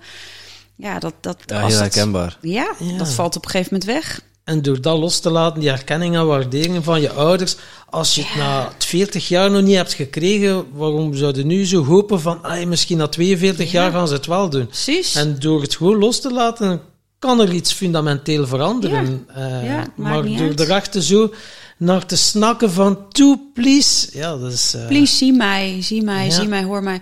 En eigenlijk zeg je tegen jezelf, ik moet, mag mezelf zien. Ik mag mezelf horen. Ik mag mezelf lief Hm. Ja. En ik, mag mijn ouders eren. En ze hebben me het leven gegeven. En ook al zullen ze me nooit zien in het leven, ook al zullen ze me nooit horen, ook al zijn ze misschien overleden voor mensen die dit, die dit horen.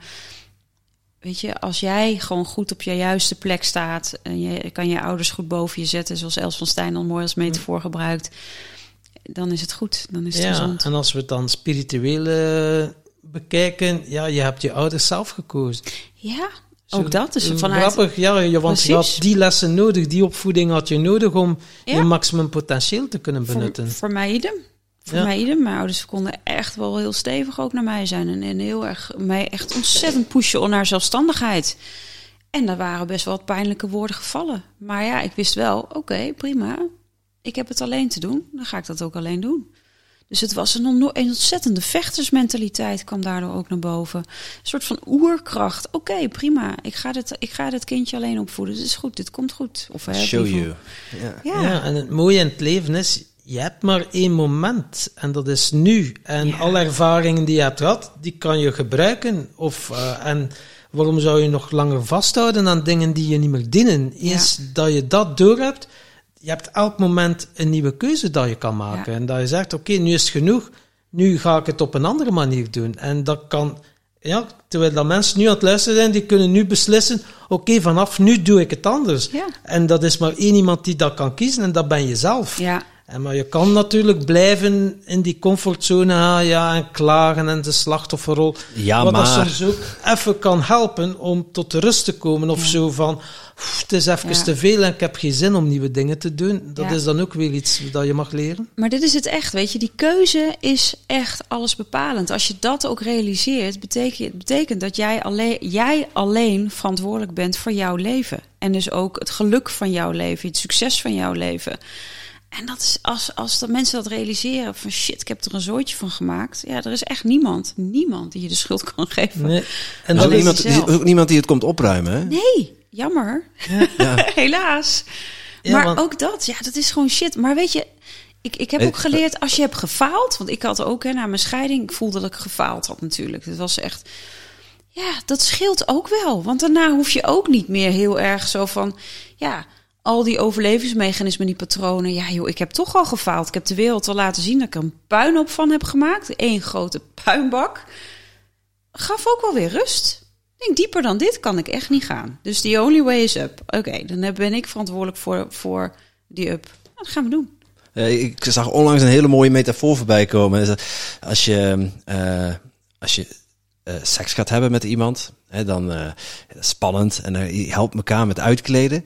En dan eh, is de daad gebeurd en dan is eh, ieder voor zich. Hè? Ik bedoel, er is niemand die zijn partner helpt terug aan te kleden. Je moet gewoon je eigen kleren terug aan doen. dus eh, de moraal van de story is: no one gonna help you when you're fucked. Dankjewel voor dit mooie inzicht. Zal het ook mijn dochter... eh, nee, nee, nee, die is pas elf. ja, eh, misschien als ze 16 is. Nee, maar inderdaad. Nee, maar dat is, dat is precies dat. Ja, Oké. ja, ik, ik vond het heel, heel mooi en heel ik vind het passend. een heel ja. mooi, mooi metafoor. Ja, ja. Ehm, ergens is het voor mij ook heel belangrijk geweest in mijn proces om te leren nee zeggen. Ja, En nee is, nee is een magiewoord. ja. Eh, er zit heel veel lading op. Een positieve lading en een negatieve lading. Het is maar net waar je er zelf aan geeft. Dat is de magie die eruit komt. ja. En ik ben hem heel krachtig aan het inzetten, omdat er voor mij nu een positieve energie in zit. Mhm. Ehm, maar ik zou jou wel eens willen, willen vragen, vanuit jouw holistische kennis, eh, hoe leer ik nee zeggen? Ja, nou ja, ik denk door het eerst het besef, waar, waar zeg je nee tegen? Dus dat is denk ik belangrijk. Eh, nee tegen je ziel zeggen heeft niet zoveel zin. Want als jouw ziel, het leven, dat met jou van plan is, dan gaat dat gewoon gebeuren. Weet je, ik had ook zoiets van, nee, die praktijk ga ik niet starten, want eh, eh, ja, nee, daar vindt iedereen wat van. Ehm, ja, dan, ik, toen kreeg ik een auto-ongeluk en uiteindelijk ben ik alsnog dat werk gaan doen. Ik wil niet zeggen van, nou, pas maar op, je, weet je, er ligt een auto-ongeluk op je te wachten. Voor mij was dat echt wel nodig. Ik had al heel veel signalen genegeerd, genegeerd eigenlijk. Eh, dus nee zeggen tegen je ziel heeft niet zoveel zin. Nee zeggen tegen je ego is natuurlijk wel belangrijk. En het ego zit vaak ook eh, bepaalde please dingen, eh, verslavingen natuurlijk. Van wat wil je eigenlijk hier uithalen? Nou, dan komt uiteindelijk ook de omgeving erbij. Bes- besef steeds, een nee tegen, in situaties nee zeggen tegen een ander kan wel een ja zijn tegen jezelf. Nee, dit ga ik niet doen. Betekent, zoals jij zo mooi zei, eh, Timothy, dat betekent dat ik goed voor mezelf ga zorgen. Dus dat is een ja, een intrinsieke ja tegen jezelf. En is een nee tegen de ego-patronen die weer op de loer liggen. om jou mee te trekken in weer een nieuwe verslaving of weer een nieuw verhaal. Dus, eh, dus te leren herkennen waar komt die ja of die nee vandaan. Ja. Ja. En dat is denk ik heel erg belangrijk. Ja, is het om te presteren of is het om, om iets bij te dragen? Ja, is het echt Positieve bijdrage, Ja, ja. Is, dit, is dit wat de bedoeling is? Of Dokter? Julian zegt het ook van, draagt, is het juist en kloppend voor mij? Ja. Of zegt hij, draagt het bij aan de relatie tussen mij en mezelf? Ja, prachtig. En eh, Prachtig. door daarbij stil te staan, ja, kan je, een nee kan eh wonderen, het kan magie zijn. Ja. Ja. Ja, dat is echt dan een cadeau. En, en dat ontdekken wat dat met, met je meebrengt. En is geen nee maar of nee want, maar gewoon nee, weet je, is ook oké. Ja. Ja, je, ho- je hoeft niemand verantwoording te geven. Nee. En dat is ook iets wat we geleerd hebben. Is als we eh, nee zeggen, dan zijn we al heel snel geneigd om daar een uitleg aan te geven. Ja, omdat we uiteindelijk vaak komt het neer op de angst voor afwijzing. En de angst voor afwijzing is vaak zo diep, zit dat in ons systeem, zo- zo'n diep ego-pijnstuk, eh, waarin de afwijzing natuurlijk vaak komt vanuit eh, in je jeugd, vanuit vader of vanuit moeder. En dat is al heel simpel. Als je kind huilt en je zit even op de wc, kan een kind dan al het idee hebben van dat hij afgewezen is. Ze is er niet. Eh, waar is papa of waar is mama? Dat kan al een diepste afwijzing zijn. Dus als ik maar constant een ander please, dan hoef ik niet weer die pijn te voelen. En die angst voor die pijn is vaak funest. Terwijl als ik naar die pijn kan toeademen, van oké, ik zeg nee en ik weet, dit doet eventjes pijn voor de ander. Dit kan ook pijn doen met mij. Ik adem dit even door, kan je het ook weer loslaten. En er naartoe, echt naartoe bewegen. In plaats van ik vlucht er maar voor. Dat is mooi. Ja. ja, angst voor afwijzing zit daar heel vaak achter. Ja, ja en, en ook die, die erkenning, hè? erkenning zoeken bij, bij een ander over eh, ja, het ego voeden eigenlijk. Ja, ja dat is de andere doet. kant van afwijzing. Is natuurlijk, eh, ik, ik ga mezelf maar voeden. Ik ga mezelf maar volstoppen met eh, de energie van een ander of de erkenning van een ander. Zodat ik mijn eigen gaten in mijn systeem, want dat is het eigenlijk, niet hoef te zien. Ja, de Dus leegtes De opvullen. leegtes hè. opvullen, Ja. inderdaad. En dat zie je natuurlijk ook bij burn-out. Op een is het super leeg. Dus heb je alleen nog maar je eigen gat te vullen. Dus niemand die je aankleedt. eh. Eh, dus dat heb je zelf weer te doen. Dus echt kijk eens hoe je hoe je, je eigen leegtes kan opvullen. Vanuit je ziel, vanuit die energie, vanuit dat eenheidsbewustzijn. Nou, jullie hebben Reiki ook allebei gedaan. Vanuit, het, vanuit die bron van energie die er altijd is. Ja, en dat heeft, het energetische stuk eh, heeft mij ook heel erg geholpen in mijn proces. Ja, Dus het, het, het gedeelte Reiki, eh, het gedeelte wat we gedaan hebben met, eh met Renier Bosman, de Presence. Mhm. En, en het versterkt elkaar ook trouwens, Reiki Ja. en, en de Presence. ja. Ehm, en onlangs had ik een, ehm, eh, een ademsessie bij, bij mijn coach, bij, bij Anne. Mhm. En na die ademsessie is ook wel heel veel Ja. veranderd. ruimt ook op, hè? Ja, Ja. dingen losgelaten, ook Ja. gewoon op emotioneel, energetisch niveau, waarvan ik me niet bewust ben. Ja. Eh, ik begrijp er niks van, maar mijn motto ondertussen is geworden, als ik het niet begrijp, dan moet ik het ervaren. ja, precies. En ja, ik kan wel zeggen, eh, ik heb toen ook tegen Tom gevraagd, ik voel me ook ik voel me anders op dit moment. Tom was er niet bij, maar hij was er eh, in de buurt. Zij, we zaten daarna terug in de auto op weg naar huis. Ik zeg, voel je nou iets anders? Ik, ja, je bent een stuk rustiger Ja. dan een uur geleden. ja, kijk dan. Ja, Weet je, en dat is het leuke, is dat je op die manier eigenlijk ook weer je eigen methode ontdekt. Misschien dat jij wel een methode ontdekt waar je reiki, ademhaling, de presence, nou weet ik veel wat je nog allemaal hebt gedaan, gaat samenvoegen. Dit wordt mijn methode. Daarom is het ook goed om echt te gaan onderzoeken voor de luisteraars. Wat werkt voor jou?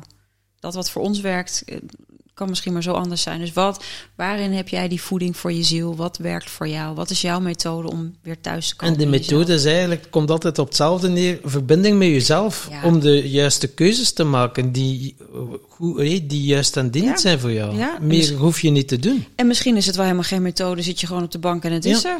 Ja. Ga maar eens eventjes vijf minuten geen telefoon pakken. Ga je maar eens even vervelen. Pats, boem, zit je ook in het nu.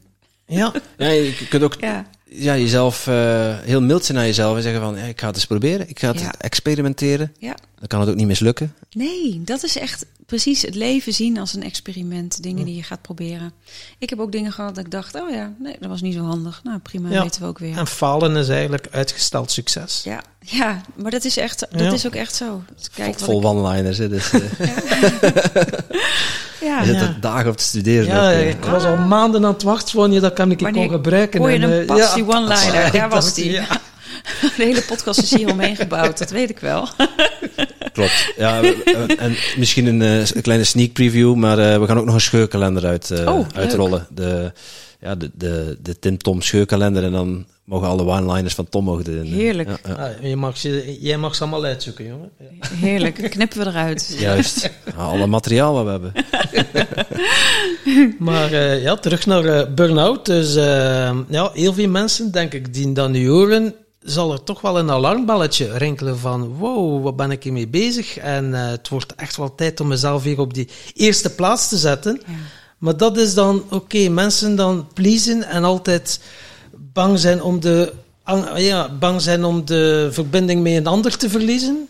Ja, je doet het niet van de ene dag op de andere dag. Hè? Nee. Om uh, zo echt wel te zeggen, nu kies ik voor mezelf. Wat tips kan jij luisteraars geven van, om toch voor jezelf te kiezen en uit dat please-gedrag te gaan? Ja, uit het please-gedrag te gaan gaat dus eigenlijk echt thuiskomen in jezelf, terug naar die basis, naar wie jij bent, naar wie jij in essentie bent. Dus um, dat is echt stap één, is, is uh, die verbinding, zoals jij dat zo mooi noemt. Jij zegt verbinding maken met jezelf. Hoe dieper jouw verbinding is met je hart, hoe minder je behoefte je eigenlijk vanuit nature hebt naar dat please-gedrag. Want dat is iets wat extern jou steeds moet, moet ja, bevredigen eigenlijk. Mm ook die mhm. verslaving, hè, wat, jij, wat jij zegt. Dus hoe dieper jij vervuld bent van die liefde, van dat licht... wat er altijd is om je heen, wat altijd door je heen stroomt...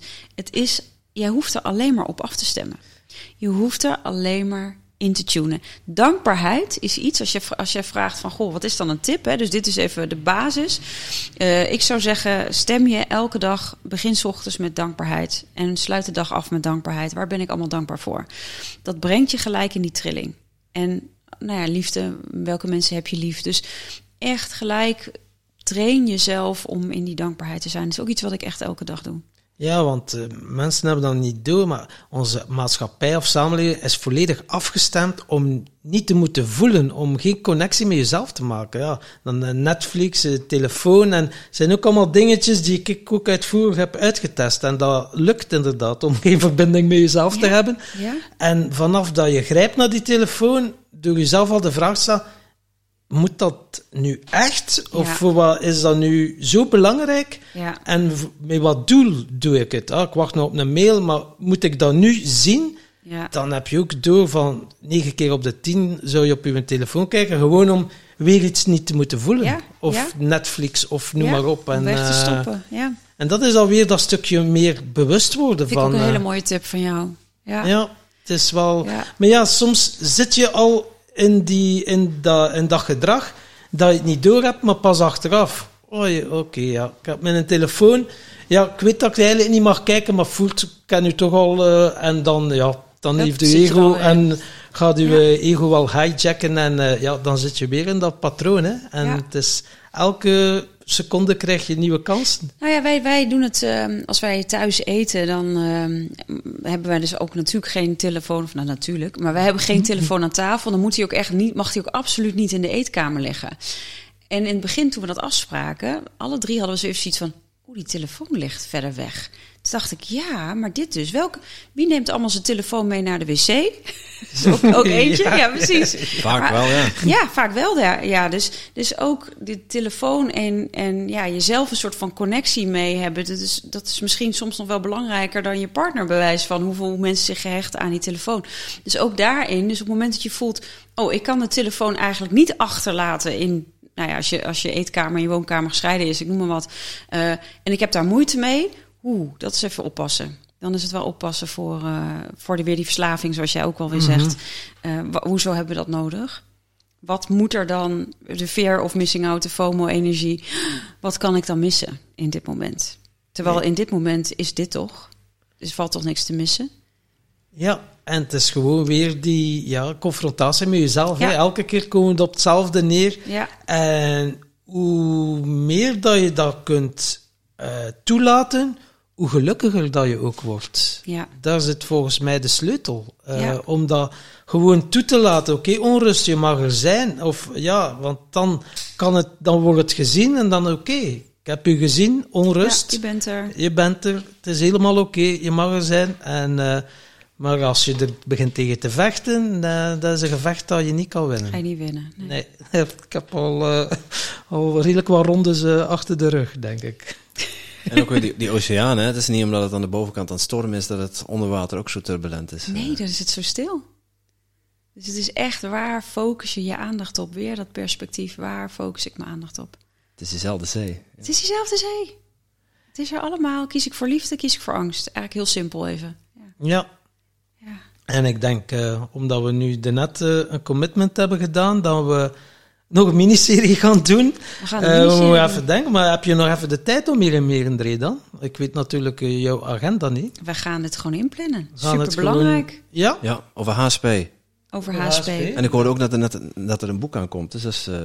Dat is twee vliegen in één klap. En het zit nu ook wat vliegen, heb ik al gezien. dus klopt. We gaan kunnen klappen. Ja, die komen op stront aan, weet je Ja, het is allemaal op u zitten. Ja, ja, ja.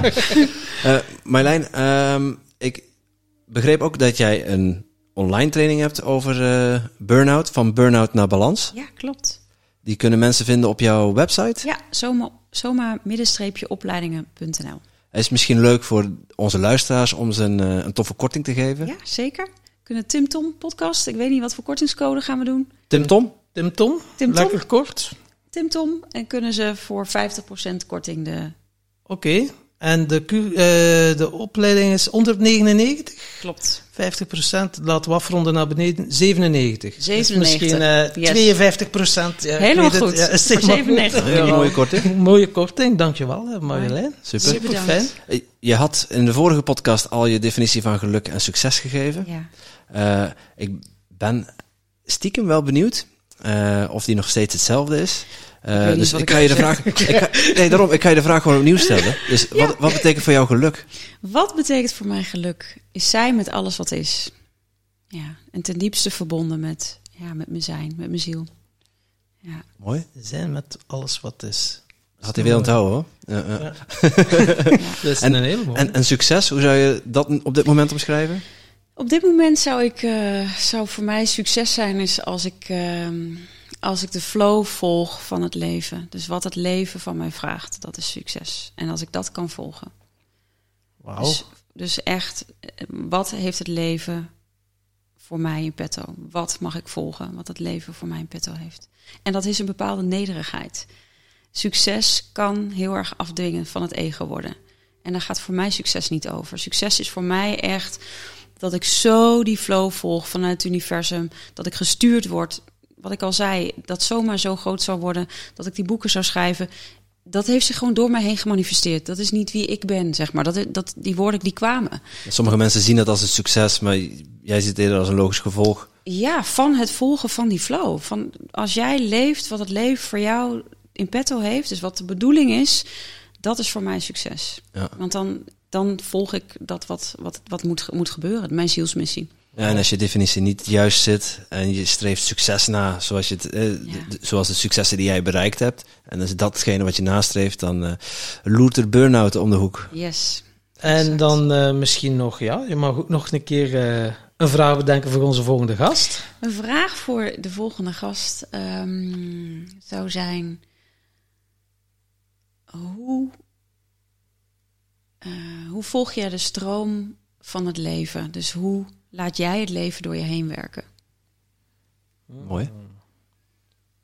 Nogmaals, eh, misschien eh, tof om te melden waar mensen meer informatie kunnen vinden over, over jou en over je, je opleidingsinstituut. Ja, dat kan dus op zoma-opleidingen.nl of marjolijnberendsen.nl. En nou, daar vinden ze ook informatie over de boeken. Ja, en we gaan de links ook in onze blog zetten, in onze show notes van de podcast. Dus dan moeten mensen niet een auto tegen de vangrails parkeren om dit op te schrijven. Want dat hebben wij al voor hen gedaan, hè Tom? Ah, ja, hè? Ik ben de vraag aan het typen, jongen. Ik ben volledig eh, in het moment. Is het moment, hè? Mooi. Dan ga ik eh, jou van harte bedanken. Want Tom heeft geen tijd, zie ik. Jullie enorm Eh, bedankt. Ik ga Ah, ook toch wel. nog van harte bedanken. Maar ze blijft hier nog even. Dus eh, hebben we nu net besproken. Ja. Dus eh, ik heb Tof. nog, eh, kan er nog op zoveel verschillende manieren bedanken. Dus eh, Mooi. komt helemaal goed. Dankjewel.